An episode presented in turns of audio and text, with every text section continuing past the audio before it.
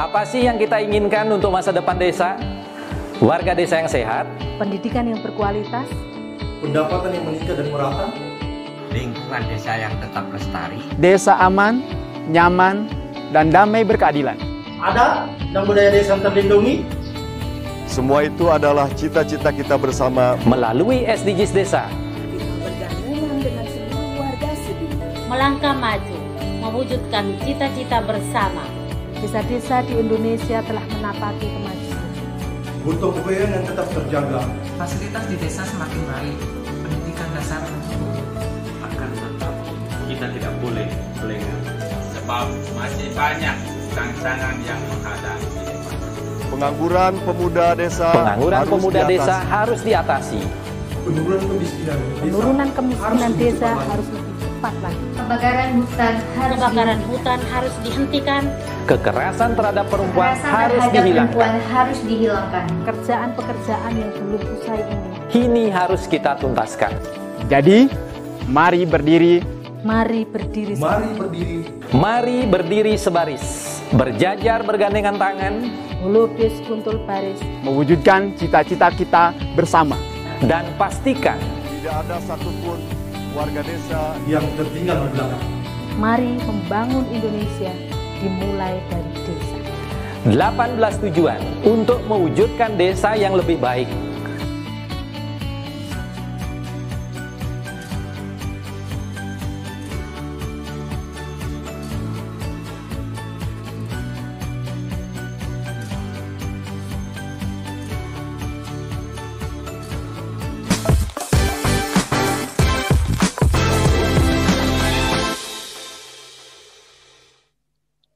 Salam berdiri sebaris, lupus kontrol baris, salam SDGs desa, salam bahagia kerabat desa Indonesia. Pagi-pagi kita memulai Senin ini, pagi ini, dengan sarapan SDGs desa. Pagi ini kita ingin mendengarkan uh, pemahaman atau mendengarkan cerita dari kepala desa kemarin sudah ada perbekal dari Bali ini kepala kita geser ke kepala desa di Jawa Timur ada Mbah Pardi dari Geni Langit Magetan. Sugeng Ejang Mbah Pardi. Sugeng Ejang sedaya. Assalamualaikum warahmatullahi wabarakatuh. Waalaikumsalam warahmatullahi wabarakatuh. Sehat, Mbah. Oke, matur nuwun sudah bergabung. Ada juga Prof. Yoyon, ada juga uh, guru desa kita Mas Arif, ada perangkat desa Mas Slamet, ada beberapa teman baru yang bergabung, Mas Sarmin, Mas uh, Mas apa Mbak BPD, Yatun. Oke. BPD. Mbak Parti. Oh, BPD ya. Iya. Oke, Mbak Parti, kita Eh. ingin tahu nih, uh, kenapa kita mengajak Mbak Parti untuk berbicara di apa sarapan SDGs desa kita karena Mbak Pardi termasuk yang mengikuti sarapan pagi kita uh, lumayan rutin. Ada Mas Slamet juga yang mengikuti kemarin juga sudah kita berikan kesempatan untuk bicara. Kita pengen tahu nih Mbak Parti kira-kira memahami SDGs desa itu seperti apa dan geni langit sebenarnya apakah juga sudah meng, apa, mengimplementasikan atau kemudian kalau umpama nih SDGs desa kan ada sistem informasi pembangunan desanya. Nah, umpama sistem informasi pembangunan desa ini diluncurkan, apakah Mbak Parti yakin untuk bisa memberikan data-data yang dibutuhkan dan kemudian melihat ini sebagai satu manfaat atau menjadi satu keribetan untuk perencanaan pembangunan desa. Silakan Mbak Parti. Terima kasih sebelumnya. Assalamualaikum warahmatullahi wabarakatuh. Waalaikumsalam.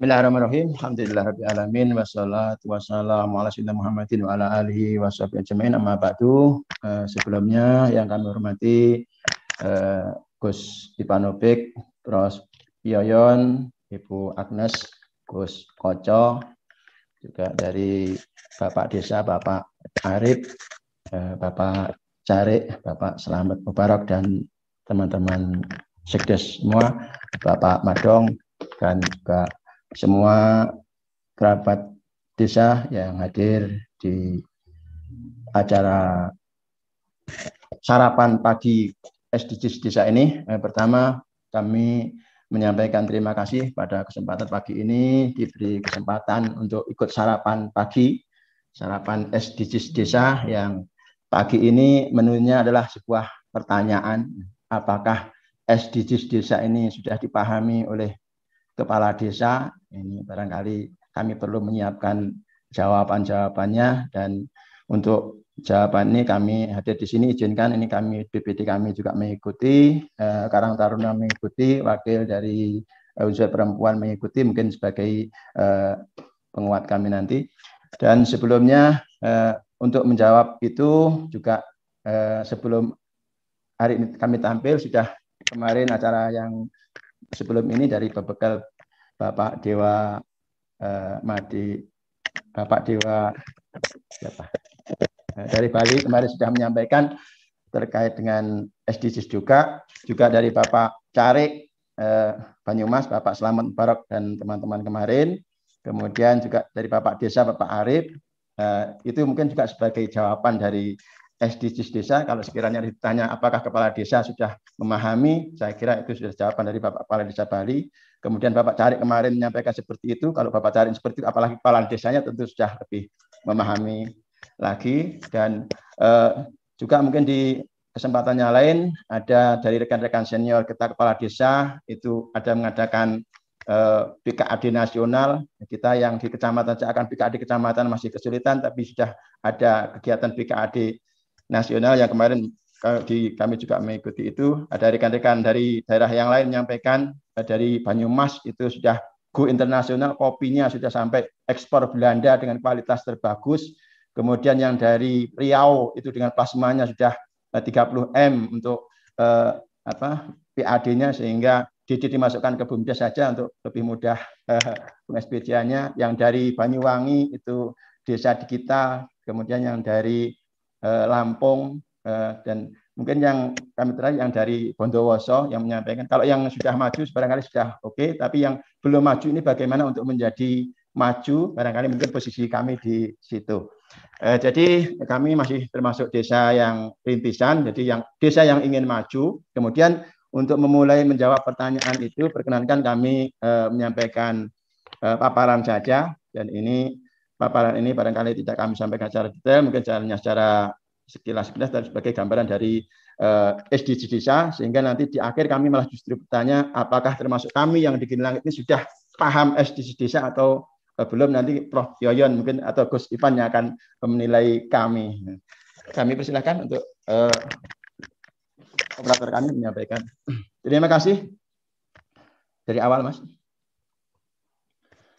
Bapak Ibu sekalian, eh, SDGs desa atau Sustainable Development Goals desa, yakni eh, merupakan upaya terpadu dalam mencapai tujuan pembangunan berkelanjutan dengan mewujudkan desa tanpa kemiskinan, desa tanpa kelaparan, desa dengan pertumbuhan ekonomi yang merata, desa yang peduli terhadap lingkungan, eh, desa yang peduli dengan kesehatan, desa yang peduli dengan pendidikan, desa yang ramah perempuan, dan desa berjejaring. Mungkin eh, secara divisi eh, pengertian kurang lebih itu untuk yang dimaksud SDGs desa, yakni intinya uh, upaya yang terpadu untuk memajukan uh, pembangunan desa secara berkelanjutan dengan uh, mewujudkan hal-hal tersebut tadi dengan sasaran ada 17 atau 18 indikator yang merupakan uh, konsep yang harus kita siapkan di dalam merencanakan pembangunan terutama ini adalah untuk implementasi dari DD terutama yang anggaran DD tahun 2021 diharapkan ini konsepnya kurang lebih nanti akan diarahkan untuk ini sebagai acuan dari kepala desa dalam musyawarah-musyawarah desanya. Yakni yang pertama konsep yang harus eh, kita raih yakni bagaimana tujuan desa sasaran desa desa nanti tanpa kemiskinan, desa tanpa kelaparan, desa sehat sejahtera, desa berpendidikan yang berkualitas, desa dengan kesetaraan gender, desa layak air bersih dan sanitasi, desa yang ber, ber, berenergi bersih dan terbarukan, pekerjaan dan pertumbuhan ekonomi desa, inovasi dan infrastruktur desa, desa tanpa kesenjangan, kawasan pemukiman dan berkelanjutan, konsumsi produksi desa yang sadar lingkungan, pengendalian dan perubahan iklim desa, ekosistem laut desa, ekosistem darat desa, desa damai dan keadilan, kemitraan untuk pembangunan desa, kelembagaan desa dinamis dan budaya adaptif. Eh, kebetulan kami ini desa pegunungan berarti kami hanya yang ekosistem darat desa, kami tidak punya lautan. Sekali lagi bahwa sasaran yang 17 atau 18 ini adalah merupakan konsep dari pemerintahan desa untuk mengarahkan anggaran eh, pembangunannya untuk eh, yakni untuk men, mensukseskan atau menempuh mewujudkan dari hal-hal yang eh, merupakan 18 atau 17 indikator itu. Bapak Ibu sekalian, perlu kita eh, ketahui bahwa desa dengan adanya undang-undang desa, sekarang desa bisa otonomi merencanakan, melaksanakan perencanaan pembangunan desa adalah suatu pendukung yang memudahkan untuk mencapai sasaran-sasaran yang dimaksud. Berbeda dengan mungkin waktu sebelumnya di tahun 2007 ke bawah di sana masih istilahnya urunan bahkan ada tarian selain tarian tenaga ada tarian uh, uang juga dari warga. Kemudian tahun 2007 ke sini, ini desa seakan-akan walaupun punya program, tapi dari mana untuk mewujudkannya masih kesulitan.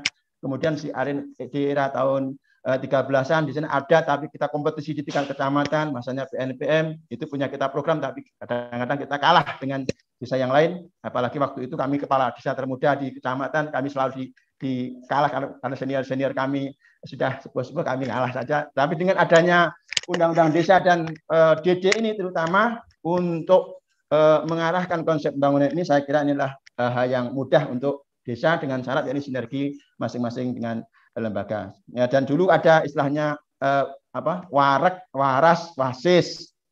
Kemudian ada istilah ekonomi, kesehatan, uh, pendidikan. Nah, sekarang dengan SDGs desa ini barangkali ada delapan indikator itu yang uh, kita sinergikan. Mungkin itu saja kurang lebih yang paparannya. Kami akan menampilkan kegiatan-kegiatan yang ada di desa eh, kami dan mungkin kami akan menyampaikan hal-hal yang terkait dengan apa yang sudah kami laksanakan di desa. Next.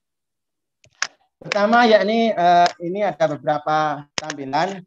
Pertama ini tampilan sayur.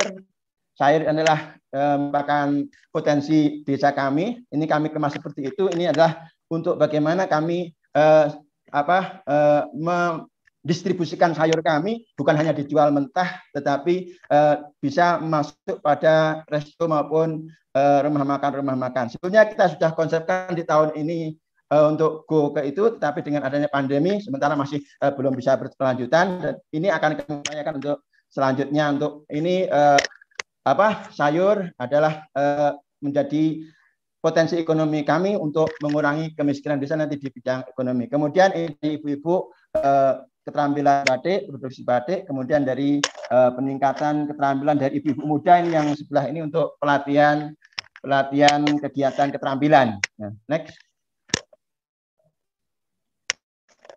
Nah, ini potensi kami yang bisa kami kembangkan di Kendalangit. Sebagian ini sudah bisa eh, di dalam tahap uh, pemberdayaan. Uh, kami ada punya wisata Geni Langit, ada wisata Wonomulyo dengan berbagai potensi, ada pendakian, ada air terjun, uh, dan di bidang wisata ini adalah mungkin suatu uh, potensi kami dengan bermitra dengan perhutani, kemitraan nantinya.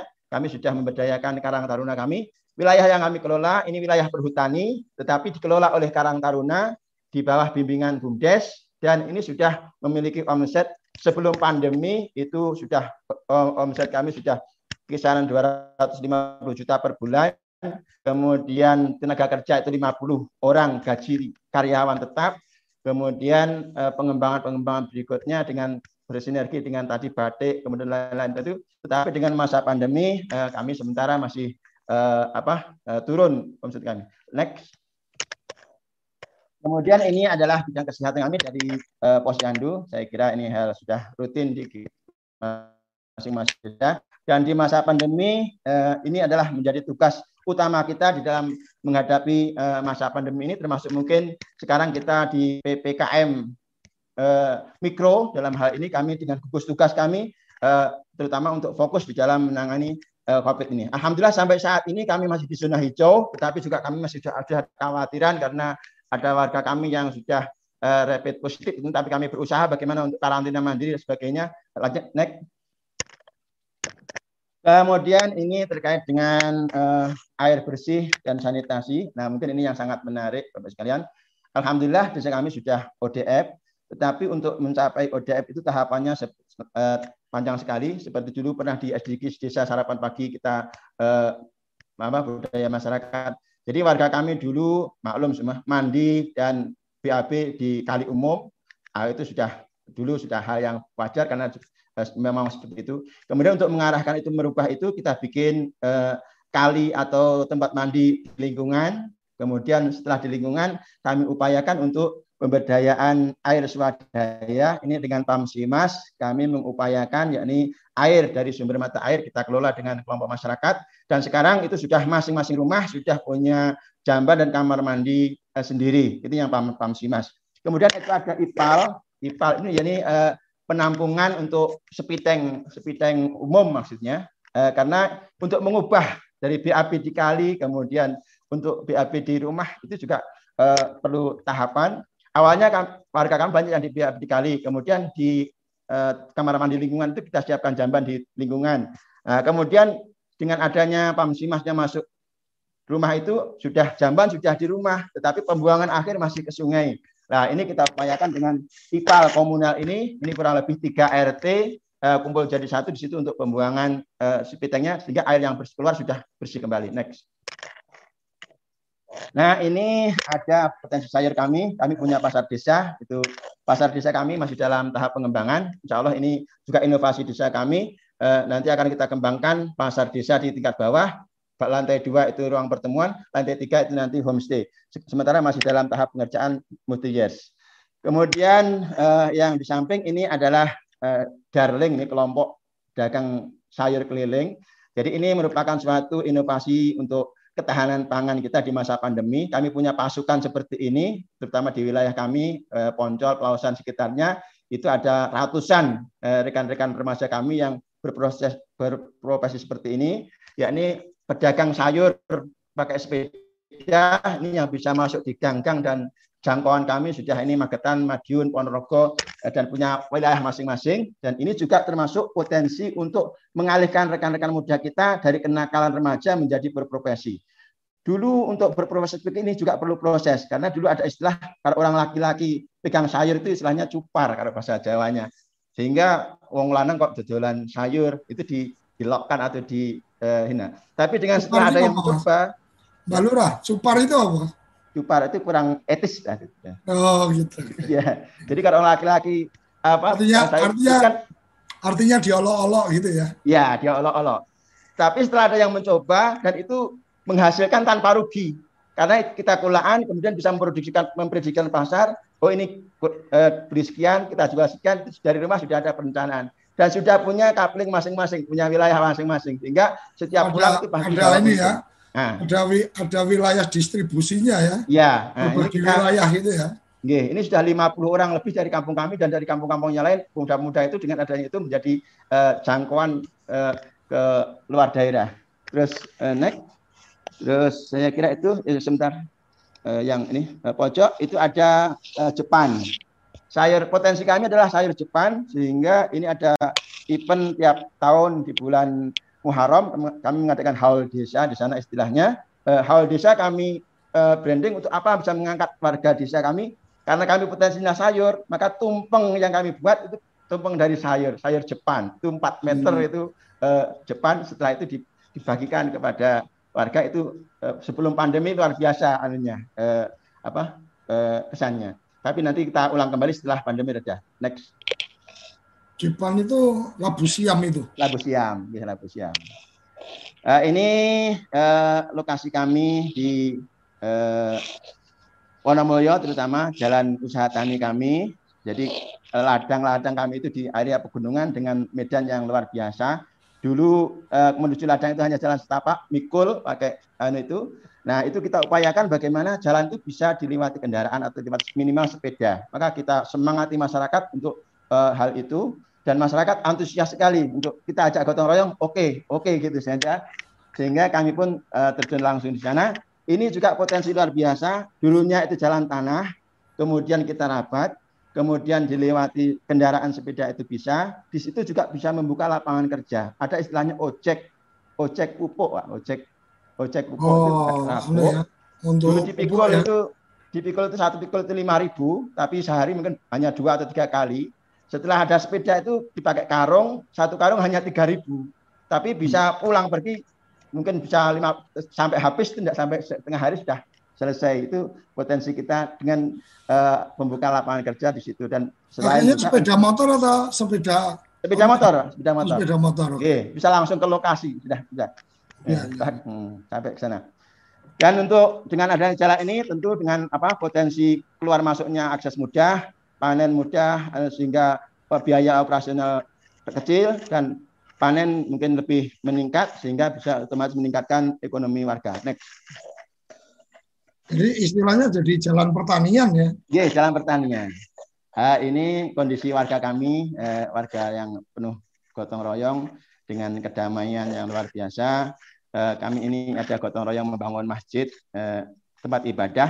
Tempat ibadah ini kami proyeksikan karena ini adalah masjid desa, eh, lokasinya adalah aset desa. Kemudian wisata kami ada wisata eh, pariwisata, pengunjung biasanya itu mencari tempat yang nyaman untuk tempat ibadah itu di mana itu masih eh, kesulitan sehingga kami dari desa mengupayakan tempat ibadah ini walaupun bentuknya tempat ibadah tetapi juga untuk penunjang dari kenyamanan ibadah warga dan kenyamanan ibadah dari pengunjung wisata. Sehingga nanti di bawahnya itu ada tempat parkir, tempat mandi, terus tempat istirahat, kemudian atasnya itu nanti untuk tempat ibadah dan lantai tiganya juga kalau ada pengunjung yang banyak bisa eh, sambil ibadah bisa istirahat istirahat di situ kalau rombongan-rombongan banyak agendanya seperti itu. Kemudian di bawah ini kami di sini langit ada eh, Bhinneka Tunggal Ika, selain Muslim juga ada Buddha. Namun di dalam kegiatan sehari-hari kami berbaur, eh, adapun dalam kegiatan ibadah kami melaksanakan sesuai dengan eh, tata cara keyakinan kita di tingkat masing-masing. Kemudian selain itu, Bapak mungkin yang perlu kami semua, sampaikan. Semua agama ada atau hanya beberapa, Mas? Mayoritas Muslim, Buddha juga masih banyak. Nasrani itu hanya empat orang. Kemudian eh, mungkin itu yang yang ada di tempat kami. Oh. Eh, tapi semuanya dapat hidup rukun dengan berdampingan. Di samping itu mungkin yang terkait dengan menciptakan suasana damai dan keadilan ini adalah PR besar bagi kami waktu dulu, yakni terkait dengan eh, kenakalan eh apa terkait dengan potensi konflik. Ya. Di tahun 2010-an kurang lebih kami menghadapi PR yang luar biasa karena kebetulan di daerah kami dulu ada eh, apa organisasi eh, pencak silat itu yang satu sama lain kurang akur sehingga apa kegiatan-kegiatan eh, konflik-konflik di masyarakat itu luar biasa. Tapi sekarang dengan adanya kegiatan-kegiatan dan dengan adanya silaturahmi semuanya sudah berjalan dengan uh, akur dan semuanya bisa uh, menjadi kondusif semuanya. Lanjut. Nah, ini kami bersama dari pihak perhutani. Ada di lembaga kami adanya LMBH namanya. LMBH itu lembaga masyarakat desa hutan yang kegiatannya yakni terkait dengan eh, bagaimana melestarikan lingkungan di hutan di musim hujan itu kami mengadakan penghijauan. Kemudian di musim kemarau itu biar ini yang gambar paling pojok ini karena ada kemarau panjang itu potensi eh, kebakaran hutan. Kami pernah mengalami tiga empat hari itu di hutan untuk eh, memantau kebakaran ini yang di pojok ini kami sinergi dari BPPD eh, Kabupaten dari Polsek, Poramil dan dari relawan-relawan semuanya kami sinergi untuk eh, pemadaman uh, di hutan. Kemudian yang di bawah ini adalah gotong royong uh, bencana. Kami punya tim tangguh namanya Geni Langit Tangguh Bencana atau Genta Geni Langit Tangguh. Uh, karena wilayah kami di wilayah lereng potensi longsor luar biasa. Pokoknya mitigasinya begini. Kalau hujan berturut-turut tiga jam itu sudah diindikasi perlu dimonitor. Monitornya juga mudah. Kalau warga kami eh, yang sudah siap-siap dagang sayur tadi itu tidak bisa keluar, berarti pasti di jalan ada longsor. Atau pedagang yang dari bawah tidak bisa naik, berarti pasti di jalan ada longsor. Tanpa dikomando, tanpa diperintah, itu hanya waro-waro, mari gotong royong. Nah, itu sudah satu dukuh sudah keluar semua karena akses satu-satu jalan hanya itu, Pak. Um, itu yang gotong royong kami. Uh, nah, kemudian uh, ini adalah momen-momen uh, haul saja dan ada ini yang sebelah ini adalah uh, momen galungan. Jadi kami di Gede Langit itu ada dua sesepuh, mungkin yang pertanyaan dari Bapak cari uh, selama itu. Ada momen uh, dua sesepuh desa kami yang bapak desa ada namanya Ki Malang Yudo dan ada namanya Ki Hajar Wonokoso. Nah, itu kalau ditelusuri ke belakang, itu Ki Malang Yudo itu adalah merupakan prajurit dari Pangeran Diponegoro. Eh, kemudian yang Ki Wonokoso ini lebih awal lagi, ini dari Tembayat atau Tembayat eh, Mataraman gitu. Sebenarnya kami eh, berinisiatif untuk mencari dokumen-dokumen tentang dari nenek moyang eh, sesepuh kami ini karena beliau itu kan nama samaran. Ki Malang Yudo juga nama samaran. Ki Hajar Wonokoso juga nama samaran. Tentu beliau adalah orang-orang hebat ya, orang-orang yang di zamannya itu mungkin sebagai prajurit atau sebagaimana sehingga ke ke tempat kami itu menyelamatkan perjuangan waktu itu mungkin untuk bisa melanjutkan generasi berikutnya sehingga desa kami yang tadinya hutan sekarang bisa menjadi pertikan atau dukuh yang kemudian menjadi desa itu dari dekat beliau berdua ini. Sehingga kami setiap eh, tahun dengan haul desa ya, kami mengadakan istilahnya solawatan eh, kiraatul Quran bin Nazar kemudian ada solawatan kemudian paginya itu ziarah makom kemudian puncaknya adalah haul desa dengan eh, menghadirkan warga di lokasi wisata. Kemudian ada kesenian tongling ini juga peninggalan eh, beliau. Eh, next. Nah, ini uh, generasi berikutnya tentang uh, rencana kami ke depan. Tentu uh, kami perlu menyiapkan generasi-generasi muda kami, terutama untuk melanjutkan eh, apa eh, perjuangan di desa ini eh, dengan kualitas pendidikan. Sementara untuk warga kami ini mayoritas pendidikan itu masih rendah, kebanyakan masih SD, yang tua-tua masih SD, yang muda sedikit SMP, kemudian SMA. Untuk yang sarjana S1, S2, apalagi S3 itu masih jarang. Eh, eh, sehingga dengan program dari Kemendes dan MOU tiga kementerian itu kami sangat uh, antusias sekali mudah-mudahan dari warga kami atau mudah-mudahan kami nanti dari LPM BPD bisa uh, dari mungkin perangkat kami ada yang bisa mengikuti itu kami sangat bersyukur sekali. Demikian mungkin paparan yang bisa kami sampaikan uh, intinya dengan SDGs desa ini uh, setelah kami paparkan kami mohon untuk dinilai apakah mungkin termasuk kami ini sudah paham dengan SDGs atau mungkin uh, untuk desa bagaimana ke depannya kami selalu senantiasa mohon eh, apa bimbingan, mohon masukan dari profesor-profesor kita, dari eh, tokoh-tokoh kita terkait dengan yang punya kepedulian dengan desa. Salam untuk semua bapak-bapak sekalian yang mengikuti acara ini. Mudah-mudahan yang kami sampaikan eh, nanti Gus Ivan akan menilai oh sudah SDC sudah belum. Terima kasih saudara. Oke, luar biasa. Jadi kalau dari dari rambutnya sama-sama putih kayaknya sudah enggak kan gitu. Tapi ini luar biasa dari presentasinya udah presentasi apa presentasi kampus sudah presentasi milenial. Kenapa desa jangan ke mana-mana kita akan mendengarkan uh, respon dari kapus dapin kita tentang presentasi dari Mbah Pardi Geni Langit ini karena menurut saya ini apa uh, satu pembelajaran kita untuk untuk kita bersama untuk bagaimana bersama-sama memahami SDGs desa. Jangan ke mana-mana, tetap di sarapan SDGs desa. Kita akan kembali setelah yang satu. Kamu tinggal di pulau terpencil, pegunungan pinggiran kota, atau daerah di Indonesia yang tidak terjangkau jaringan fiber, ADSL, dan juga 3G. Internetan dengan cepat pasti cuma akan menjadi mimpi. Mau pakai tol langit, pakai desa wifi, kunjungi www.desawifi.id. Apa sih yang kita inginkan untuk masa depan desa? Warga desa yang sehat, pendidikan yang berkualitas, pendapatan yang meningkat dan merata, lingkungan desa yang tetap lestari, desa aman, nyaman, dan damai berkeadilan. Ada dan budaya desa terlindungi. Semua itu adalah cita-cita kita bersama melalui SDGs Desa. Satu, desa tanpa kemiskinan. Dua, desa tanpa kelaparan. Tiga, desa sehat sejahtera. Empat, pendidikan desa berkualitas. Lima, keterlibatan perempuan desa. Desa layak air bersih dan sanitasi. Tujuh, Desa berenergi bersih dan terbarukan.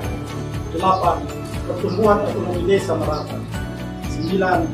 Infrastruktur dan inovasi desa sesuai kebutuhan. 10. Desa tanpa kesenjangan. 11. Kawasan permukiman desa aman dan nyaman. 12. Konsumsi dan produksi desa sadar lingkungan. 13. Desa tanggap perubahan iklim. 14. Desa peduli lingkungan laut. 15. Desa peduli lingkungan darat. 16. Desa damai berkeadilan. 17. Kemitraan untuk membangun desa. 18. Kelembagaan desa dinamis dan budaya desa adaptif.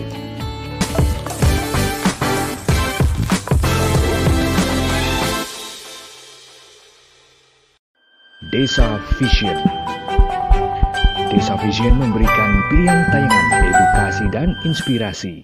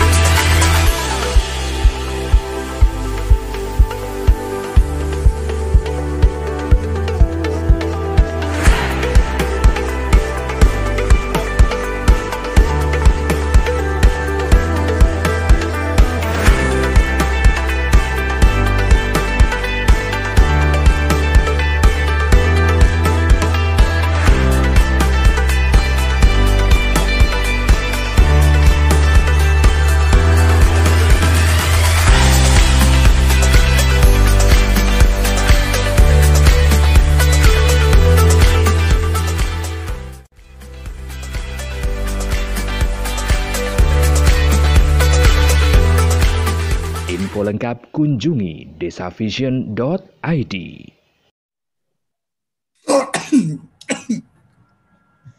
Saking terkagum-kagumnya sampai batuk-batuk saya. Oke, uh, kembali ke sarapan SDGs desa. Tadi Mbak Lura Parti sudah menyampaikan setidaknya pemahaman tentang SDGs kemudian diterjemahkan dengan beberapa yang sudah dilaksanakan. Artinya beberapa program yang tadi disampaikan itu bisa jadi adalah agenda-agenda kegiatan yang sudah dikerjakan sebelum Gus Menteri meluncurkan SDGs desa. Jadi luar biasa kemudian Mbak Parti mencoba meng, apa, mengelompokkan kegiatan itu menjawab indikasi-indikasi uh, atau indikator-indikator dari SDGs desa. Dan yang luar biasa juga ini Mbak Parti mengajak teman-teman BPD, Karang Taruna, uh, perwakilan perempuan untuk juga bergabung dalam forum ini. Ini menurut saya inisiatif yang luar biasa uh, tentang pemahaman SDGs yang ke-18 atau rohnya SDGs desa. Gus Ivan, silakan uh, memberikan pandangan pendapatnya dari apa yang sudah disampaikan Mbak Parti ini. Jadi kalau pertanyaan Mbak Parti yang terakhir ini rasanya kayak Mbak Parti ini membuat apa skripsi atau tesis yang kemudian minta diuji ini sama dosen-dosen pembimbingnya. Silakan Gus Ivan. Terima kasih Mbak Parti, kemudian Bapak Ibu dari BPD ya dan dari Desa Geni Langit. Dari dulu namanya Desa Geni Langit ini uh, memang selalu memikat banyak orang termasuk Ki Malang Yudo tadi yang disampaikan. Saya apa namanya sudah membaca sampai ke riwayatnya ini desa lama ini 1780-an ini. Jadi ini betul-betul desa lama dan Mbah Pardi punya kesempatan untuk memimpin. Menurut saya gini, Gus Kocok, kerabat desa uh, sekalian. Jadi mempelajari meskipun ini sudah kami sadari sejak 20 tahunan lalu gitu. Tapi ini menemukan bentuknya itu menurut kami ya sekarang ini. Seandainya kita mempelajari desa-desa itu lebih banyak berbasis ideologi atau berbasis apa pandangan-pandangan yang sangat tinggi gitu. Ini semua yang dilakukan oleh Mbah Pardi itu seakan-akan sudah kita ketahui. Ya. Karena semua, wah ini pasti sudah, ini kan tergolong yang begini, ya. ini kan tipe yang begini. Gitu. Tapi sebetulnya mengkaji desa-desa di Indonesia itu paling tepat ya seperti sekarang ini. Yaitu kita mulai dari memang ketidaktahuan. Ini kalau soal data ini Gus Koco, Mbah Pardi, Bapak Ibu sekalian, ya tentu saja ada di ada di tempat kami begitu ya dan kami sudah mempelajari lama begitu tapi bahwa kemudian di dalamnya itu bergerak dinamika warga yang seperti Mbah Pardi sampaikan itu sungguh sangat apa namanya sesuatu yang baru setiap kali ada desa-desa seperti ini itu setiap kali kita mendapat uh, pengetahuan baru ini Gus Koco. Tadi kita mulai dari yang terakhir misalnya. Ini apa namanya bagaimana Mbah Pardi melihat peluang ya.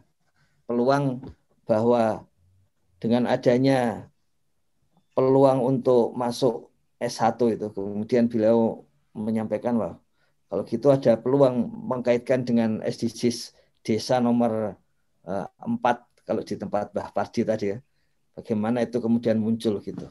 Jadi yang pertama kami menyadari bahwa ternyata benar juga yang dilakukan Gus Menteri bahwa lokalisasi SDGs menjadi SDGs desa itu memang harus sampai pada titik diksinya kalau istilah beliau sekarang itu diksi itu.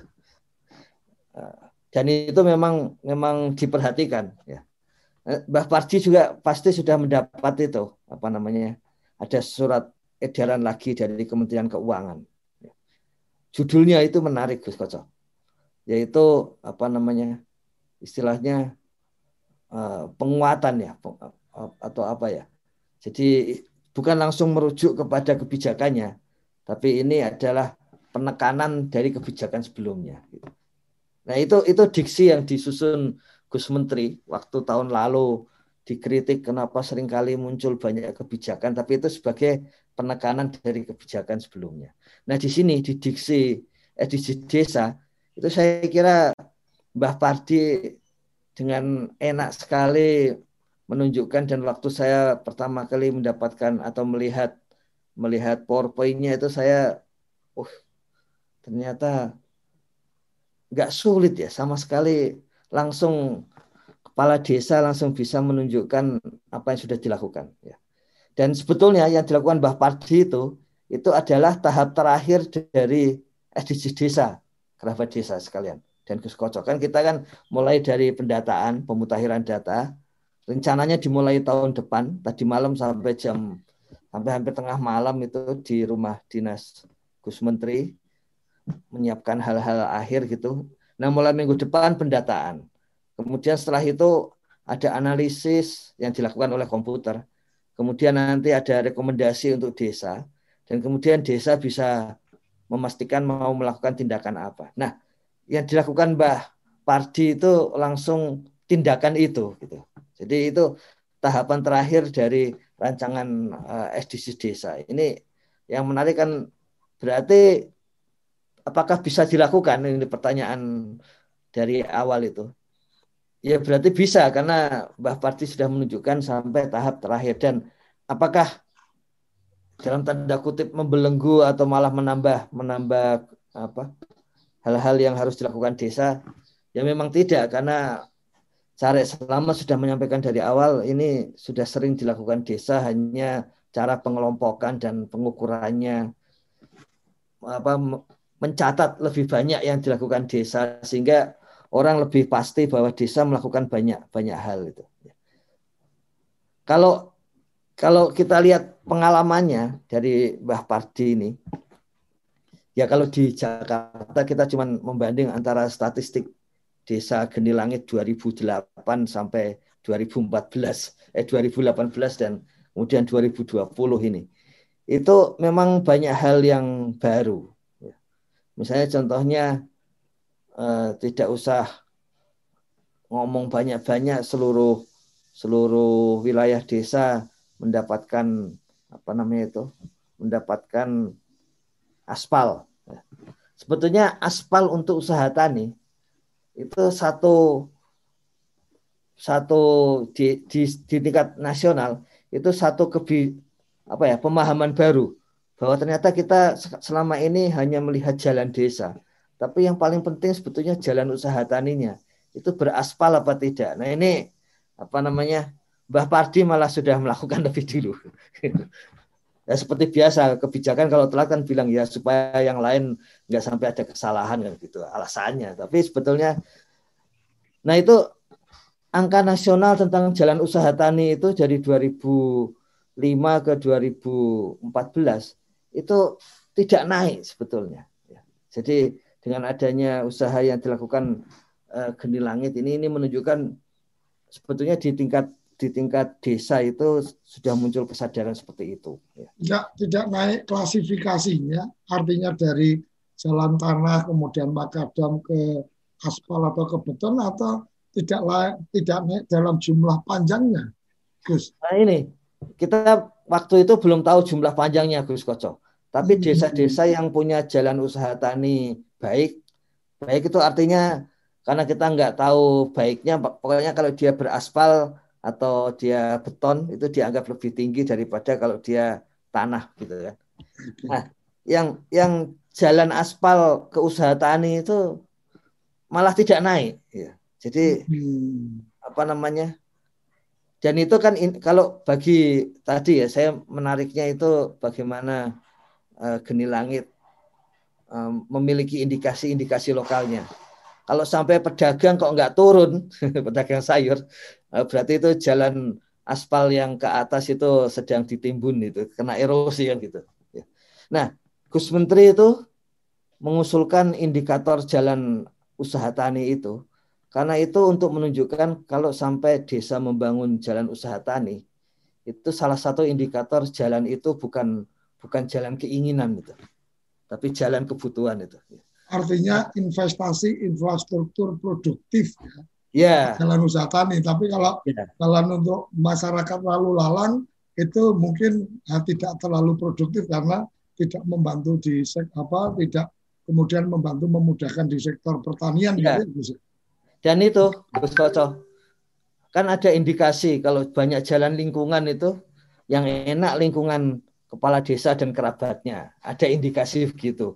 Tapi ya. begitu jalan usaha tani itu yang enak itu pasti warganya gitu. Jadi itulah sebabnya uh, Gus Menteri apa namanya meminta kami mencek apakah indikasi ini benar bahwa kalau banyak jalan usaha tani dibangun itu sebetulnya kepala desa sedang memperhatikan warganya gitu ketimbang jalan uh, di lingkungan itu dan memang ini uh, desa Geni Langit ini kan memang desa yang ada di betul-betul perbatasan ini Gus Koco. Kalau kita ke sana bisa punya bayangan ada di sini ini. Ya. Dan kalau melihat apa namanya, melihat uh, sejarahnya, bagaimana geni muncul sampai ke atas begitu, ya, itu memang kan yang bahaya di sana antara lain kebakaran sehingga geninya bisa sampai ke langit itu tadi sudah disampaikan oleh Mbah Pardi sampai harus ke apa namanya ke hutan-hutan itu ya. Jadi saya kira itu yang menarik Gus Koco. Nah, untuk ke depan tentu saja Kementerian Desa berkepentingan dengan Desa Geni Langit ini. Ada banyak uh, apa namanya model yang yang tadi sudah ditunjukkan, paling tidak perhutanan sosialnya sangat bagus di sana kan. Istilah sekarang perhutanan sosial itu kalau tadi Mbah Padi menyampaikan LMDH yang jalan begitu ya. Kemudian ada ada apa namanya itu hutan yang kemudian jadi bahan wisata seperti itu. Jadi yang menarik Gus Koco, istilah-istilah program itu jalan di geni langit itu aja menarik gitu. Jadi LMDH itu kan kadang-kadang dicibir ya. Apa itu? Kemudian jalan apa tidak? Di geni langit jalan ya. Kemudian Pamsimas itu juga dicibir karena ini apa namanya? Oh hanya satu kok apa bisa dipakai untuk seluruh desa ya. Nah ini di geni langit juga jalan dikembangkan sendiri. Jadi yang menarik itu dari atas ya program-program itu jalan di desa Geni Langit. Kemudian setelah itu dari bawah Geni Langit juga melakukan tambahan-tambahan baru. Ya. Makanya saya jadi paham juga mengapa begitu Bu Agnes beberapa minggu yang lalu itu menyampaikan tentang chat itu kapan akan masuk ke geni langit. Ini khasnya geni langit ini. Semua yang dari atas itu dijalankan dan jalan gitu ya. Real substantif lah, bukan acting ini, action. jalan di lapangan. Tapi yang bawah juga itu. Nah ini ini satu pelajaran yang menarik juga kalau apa namanya ada seperti itu kan nggak terlalu apa namanya Indonesia nggak terlalu repot itu. Jadi atas jalan bawah jalan seperti yang Mas Madong juga pernah tunjukkan itu kan berarti dari atas jalan, dari bawah kepala desanya juga tetap punya ruang untuk untuk kreatif gitu. Jadi uh, saya kira gitu. Nah kalau nanti ada tambahan yang lain kita segera uh, bereskan ini seperti ini apa namanya uh, Pak Sugeng sampaikan bagaimana penanganan air bersih pasca program Pamsimas. Ini kalau melihat geni langit kan langsung ditaruh ke bumdes gitu ya. Dan memang salah satu di tingkat nasional memang arahannya sampai ke bumdes karena lembaga yang paling memungkinkan di desa seperti itu. Gitu Gus Toto. Kayaknya speakernya masih mute Gus. Sambil menunggu dipublikasikan peraturan pemerintah tentang BUMDes nanti kita kemudian bisa segera menyesuaikan badan hukum seperti apa yang akan paling pas untuk teman-teman di BUMDes. Uh, sebelum ke Prof uh, ke Prof Yayan nanti saya minta Bu Agnes juga karena panggilan geni langit ke ITS apa beberapa kali diserukan tapi saya ingin bacakan dulu Eh, teman-teman uh, yang memberikan respon di channel YouTube kita. Ini dari Mustafa Bumdes uh, Subang. Uh, salam bahagia semua dengan SDGs desa. Semoga Pak Kades lebih fokus. Oke. Okay. Kemudian ada Good Eater. Oh hadir ya. Oke. Okay. Kemudian ada Mbak Eti. Mbak Eti ini menyampaikan tentang bagaimana Pak Lurah Parti rencananya nanti bisa mencatat secara berkesinambungan oke okay, ya, dengan apa sistem informasi apa uh, pembangunan desa yang dikembangkan uh, berbarengan dengan SDGs desa insya Allah akan terpantau dengan baik nanti perkembangan-perkembangannya Mas Madong uh, ini karena juga sudah membaca apa apa yang disampaikan oleh Mbak Parti ini memberikan apresiasi. Ada Safira ini hadir, kemudian Endang, oke uh, hadir menyimak. Uh, kita ingin langsung ke Bu Agnes nih. Bu Agnes dengan ITS-nya dan Mbak Parti dengan panggilan-panggilannya beberapa kali kapan akan Abbas uh, tulan-tulan ke geni langit untuk bisa membantu percepatan apa semangatnya jadi semangat kepala desa dengan apa selalu ingin belajar dan selalu ingin apa uh, bersilaturahmi dengan apa para cerdik pandai menurut saya ini sesuatu yang sangat luar biasa. Silakan Bu Agnes memberikan responnya. Terima kasih. Assalamualaikum warahmatullahi wabarakatuh, Bapak Ibu semua. Saya itu sejak lihat PPT-nya saja sudah terkagum-kagum.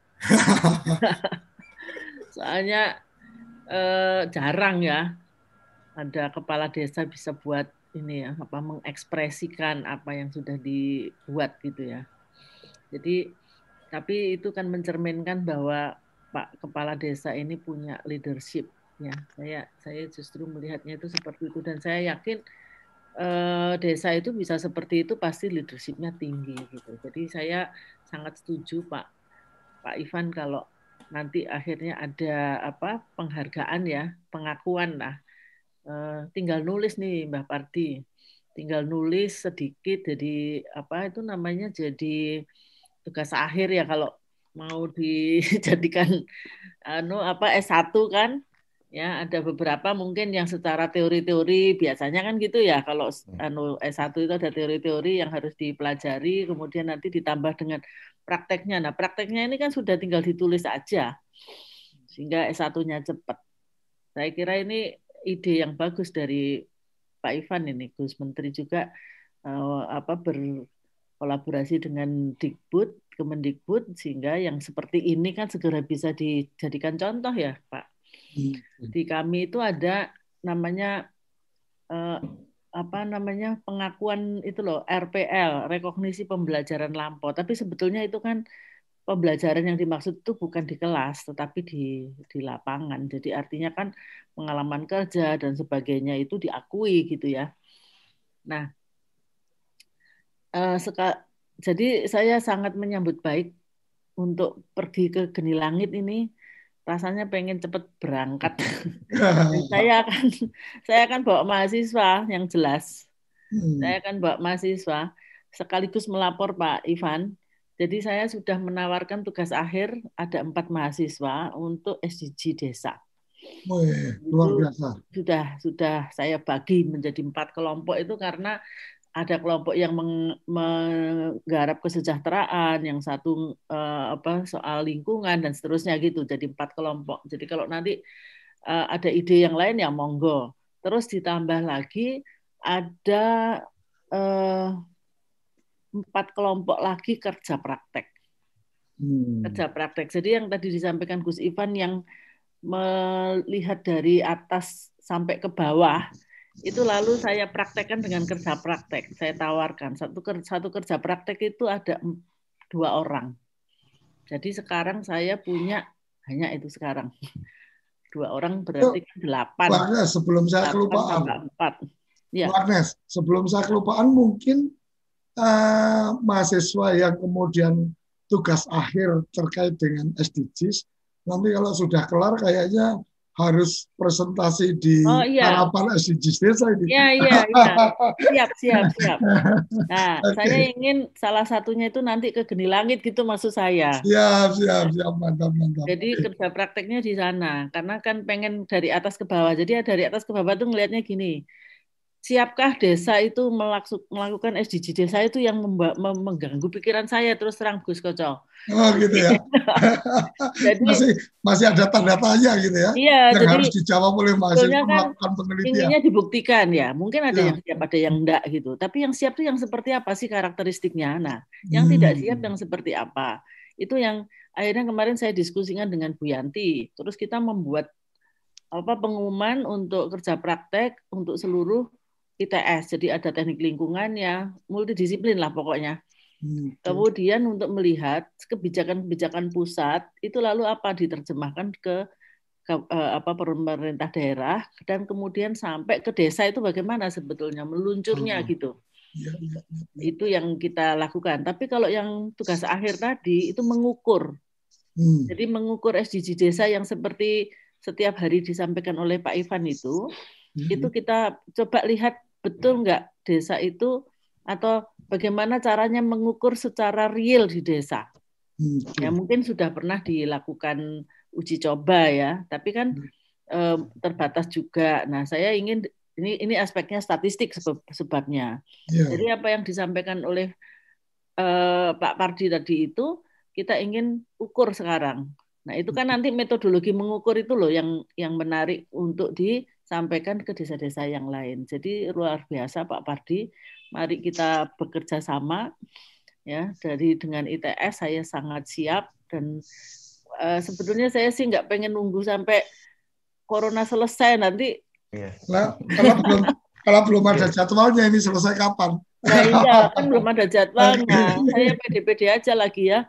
Kan ke desa nggak masalah gitu. Siap, saya kira siap, gitu siap. komentar saya. Siap. Iya, siap mendukung. Prof Yayan, nah ini Prof Yayan kayaknya harus memberikan nilai ini A B C D E-nya ini dari presentasinya apa ya. Mbak Parti. Silakan Prof. Catatan saya pertama itulah uh, realnya MSDGs desa yang dilakukan di Genelangit. Memang in actionnya ya begitu itu ya. Program-programnya tadi sudah berjalan dengan bagus, mencakup banyak aspek ya.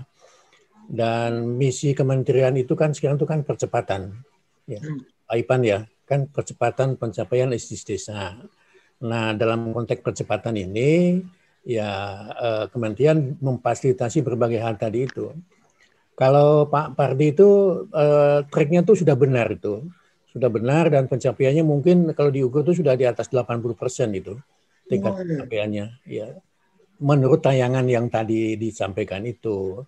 Tapi saya ini kan alirannya kan uh, aliran uh, empirisme. Jadi hmm. kalau belum belum melihat lapangan tuh ya seperti Bu Agnes tadi itu gitu loh. Kalau sudah lihat lapangan bisa jadi 100% lah itu Pak Pardi itu. Nanti bareng-bareng, Bro. Nah, nah, itu dijadwalkan itu, Pak Pardi. Dijadwal gitu. bareng Suka dengan Gus Menteri. Jadi yang kedua begini, Pak Pan, Pak Bu Agnes. Uh, tahun 2000-an saya punya program konversi dari non S1 ke S1. Hmm. Ya, sudah punya, sudah berjalan empat perguruan tinggi uji coba oleh kementerian dengan baik ya. Cuman pada waktu itu kan belum ada uh, online gitu.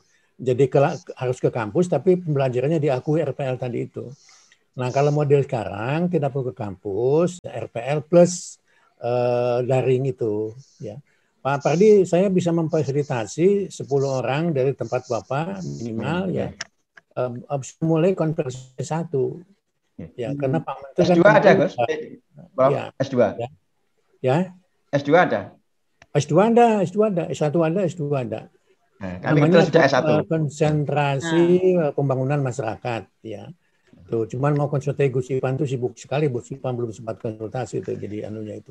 Ya, bisa apa? Bisa, Mina. Udah dan sudah kami siapkan sebetulnya dengan uh, Badan Pengembangan SDM dengan Pak Suprapedi dengan timnya minggu yang uh, bulan-bulan yang lalu tapi belum. Nanti bersama-sama di anu aspek-aspek apa namanya metodologi Bu Agnes tadi itu saya kira bisa digabung ya. Jadi nanti yang uh, mata kuliah aspek-aspek metodologi ya bisa kuliahnya di tempatnya Bu Agnes secara online ya. Ya, jadi saling berbagi begitu ya. Itu akan lebih bagus ya. Terakhir ya, Gus Koco, ilmu itu kan harus ada faktanya. Itu Bu Angga saya kira tahu lah. Jadi faktanya itu ada di lapangan gitu loh, ada di lapangan. Nah soal lapangan itu bukan soal uh, saya dengan Bu Agnes, tapi soalnya Gus Ipan itu soal lapangan itu. Minta, mohon izin dulu lah ke Gus Ipan lah.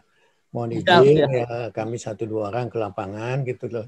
Ya kan jadi saya kira uh, secara empiris kan sudah kita lihat itu memang buktinya tadi sudah bagus sekali. Ya, kapan-kapan ya, uh, Pak Kades Pak Pardi ya kita ke sana. Ya, Cuman saya Ada homestay, lokasi itu di mana tuh sebetulnya itu lokasinya itu persisnya di uh, daerah Sarangan 5 kilo dari Sarangan. Kalau Sarangan oh, sama Oh, lihat turun ke Gunung Lawu itu dekat iya, itu. Gunung Lawu, Gunung Lawu Selatan. Naik Gunung Lawu terus turun ke situ cepat sekali ya. itu. Tidak ya. perlu homestay sudah ada, Rob. Ya, ya. Tidak perlu naik pesawat gitulah. Enggak ya. perlu. Kalau saya terakhir Gus Kaca, ya. uh, itu dikasih nilai A sudah bagus itu. Mantap. Terima kasih. Kegiatan-kegiatan yang luar biasa itu. Ya.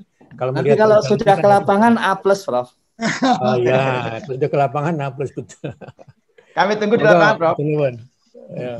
Oke, terima kasih ini luar biasa sekali dan semoga di minggu ini kita uh, kita juga ada agenda salah satunya uh, kepala desa yang memanfaatkan BLT uh, eh, apa bantuan apa uh,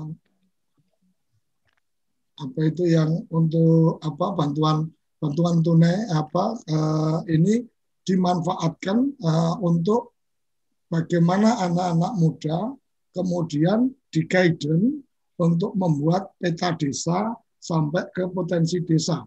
Ini uh, salah satu dari apa Sulawesi ya, kepala desa kita akan undang di minggu ini. Jadi kerabat desa jangan pernah ketinggalan untuk mengikuti sarapan SDGs desa karena akan dapat kita akan mendapatkan informasi-informasi inspiratif untuk bagaimana kita apa uh, kerabat desa bisa mengembangkan apa-apa potensi yang ada di desa.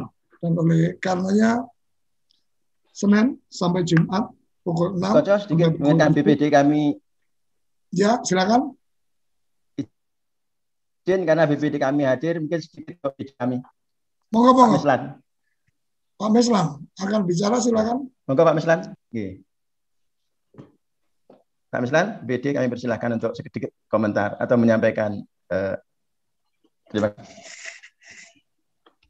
Halo. Halo. Silakan, silakan. Monggo Pak. Ya, terima kasih Bapak-Bapak semuanya. Saya dari BPD, Ketua BPD Desa Gede Langit. Sekali dengan adanya program ini. Mudah-mudahan ke depannya dengan adanya program ini Desa Gede Langit akan lebih terbantu ya dari informasi-informasi yang kami terima di tingkat bawah ini dari bapak-bapak dari tingkat yang lebih atas lebih tinggi selalu untuk bisa membina membimbing desa kami Desa Gede Langit untuk bisa lebih maju dalam meningkatkan taraf pembangunan masyarakat Desa Gede Langit. Untuk itu atas nama Ketua BPD dan seluruh lembaga yang ada di Desa Gede Langit, sekali lagi selalu minta dukungan supportnya dari bapak-bapak semuanya. Dan ini selalu saya tunggu uh, perkembangan lebih lanjut, bagaimana uh, bimbingan dari bapak-bapak yang di atas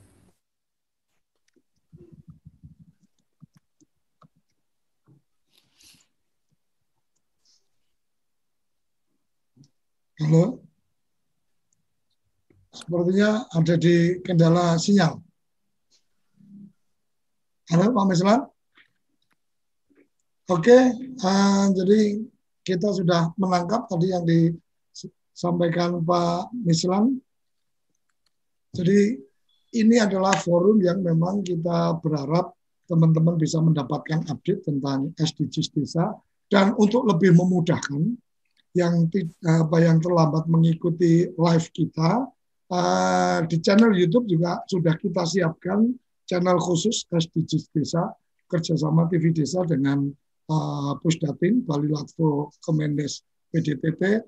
Jadi dicari saja SDGs Desa uh, channel SDGs Desa. Jadi semua dokumentasi dari kegiatan kita hari ini sudah sampai di episode yang ke-31 itu bisa dilihat uh, recordingnya ada di channel yang sudah kita siapkan oleh karenanya jangan lupa untuk apa subscribe sehingga ketika ada update-update akan mendapatkan informasi melalui notifikasi. Saya pikir sampai di situ matur Pak Mislan. Mohon maaf karena memang waktu kita sudah sampai di penghujung acara. Jangan lupa sarapan SDGs desa memuliakan desa-desa Indonesia berdiri sebaris Holubus Kuntur Baris, salam bahagia kerabat desa Indonesia. Terima kasih, sampai berjumpa kembali di pagi-pagi berikutnya. Apa sih yang kita inginkan untuk masa depan desa? Warga desa yang sehat, pendidikan yang berkualitas, pendapatan yang meningkat dan merata, lingkungan desa yang tetap lestari, desa aman, nyaman, dan damai berkeadilan. Ada dan budaya desa terlindungi, semua itu adalah cita-cita kita bersama melalui SDGs Desa. dengan seluruh warga Melangkah maju, mewujudkan cita-cita bersama. Desa-desa di Indonesia telah menapaki kemajuan. Butuh kebayaan yang tetap terjaga. Fasilitas di desa semakin baik, pendidikan dasar akan tetap kita tidak boleh lengah.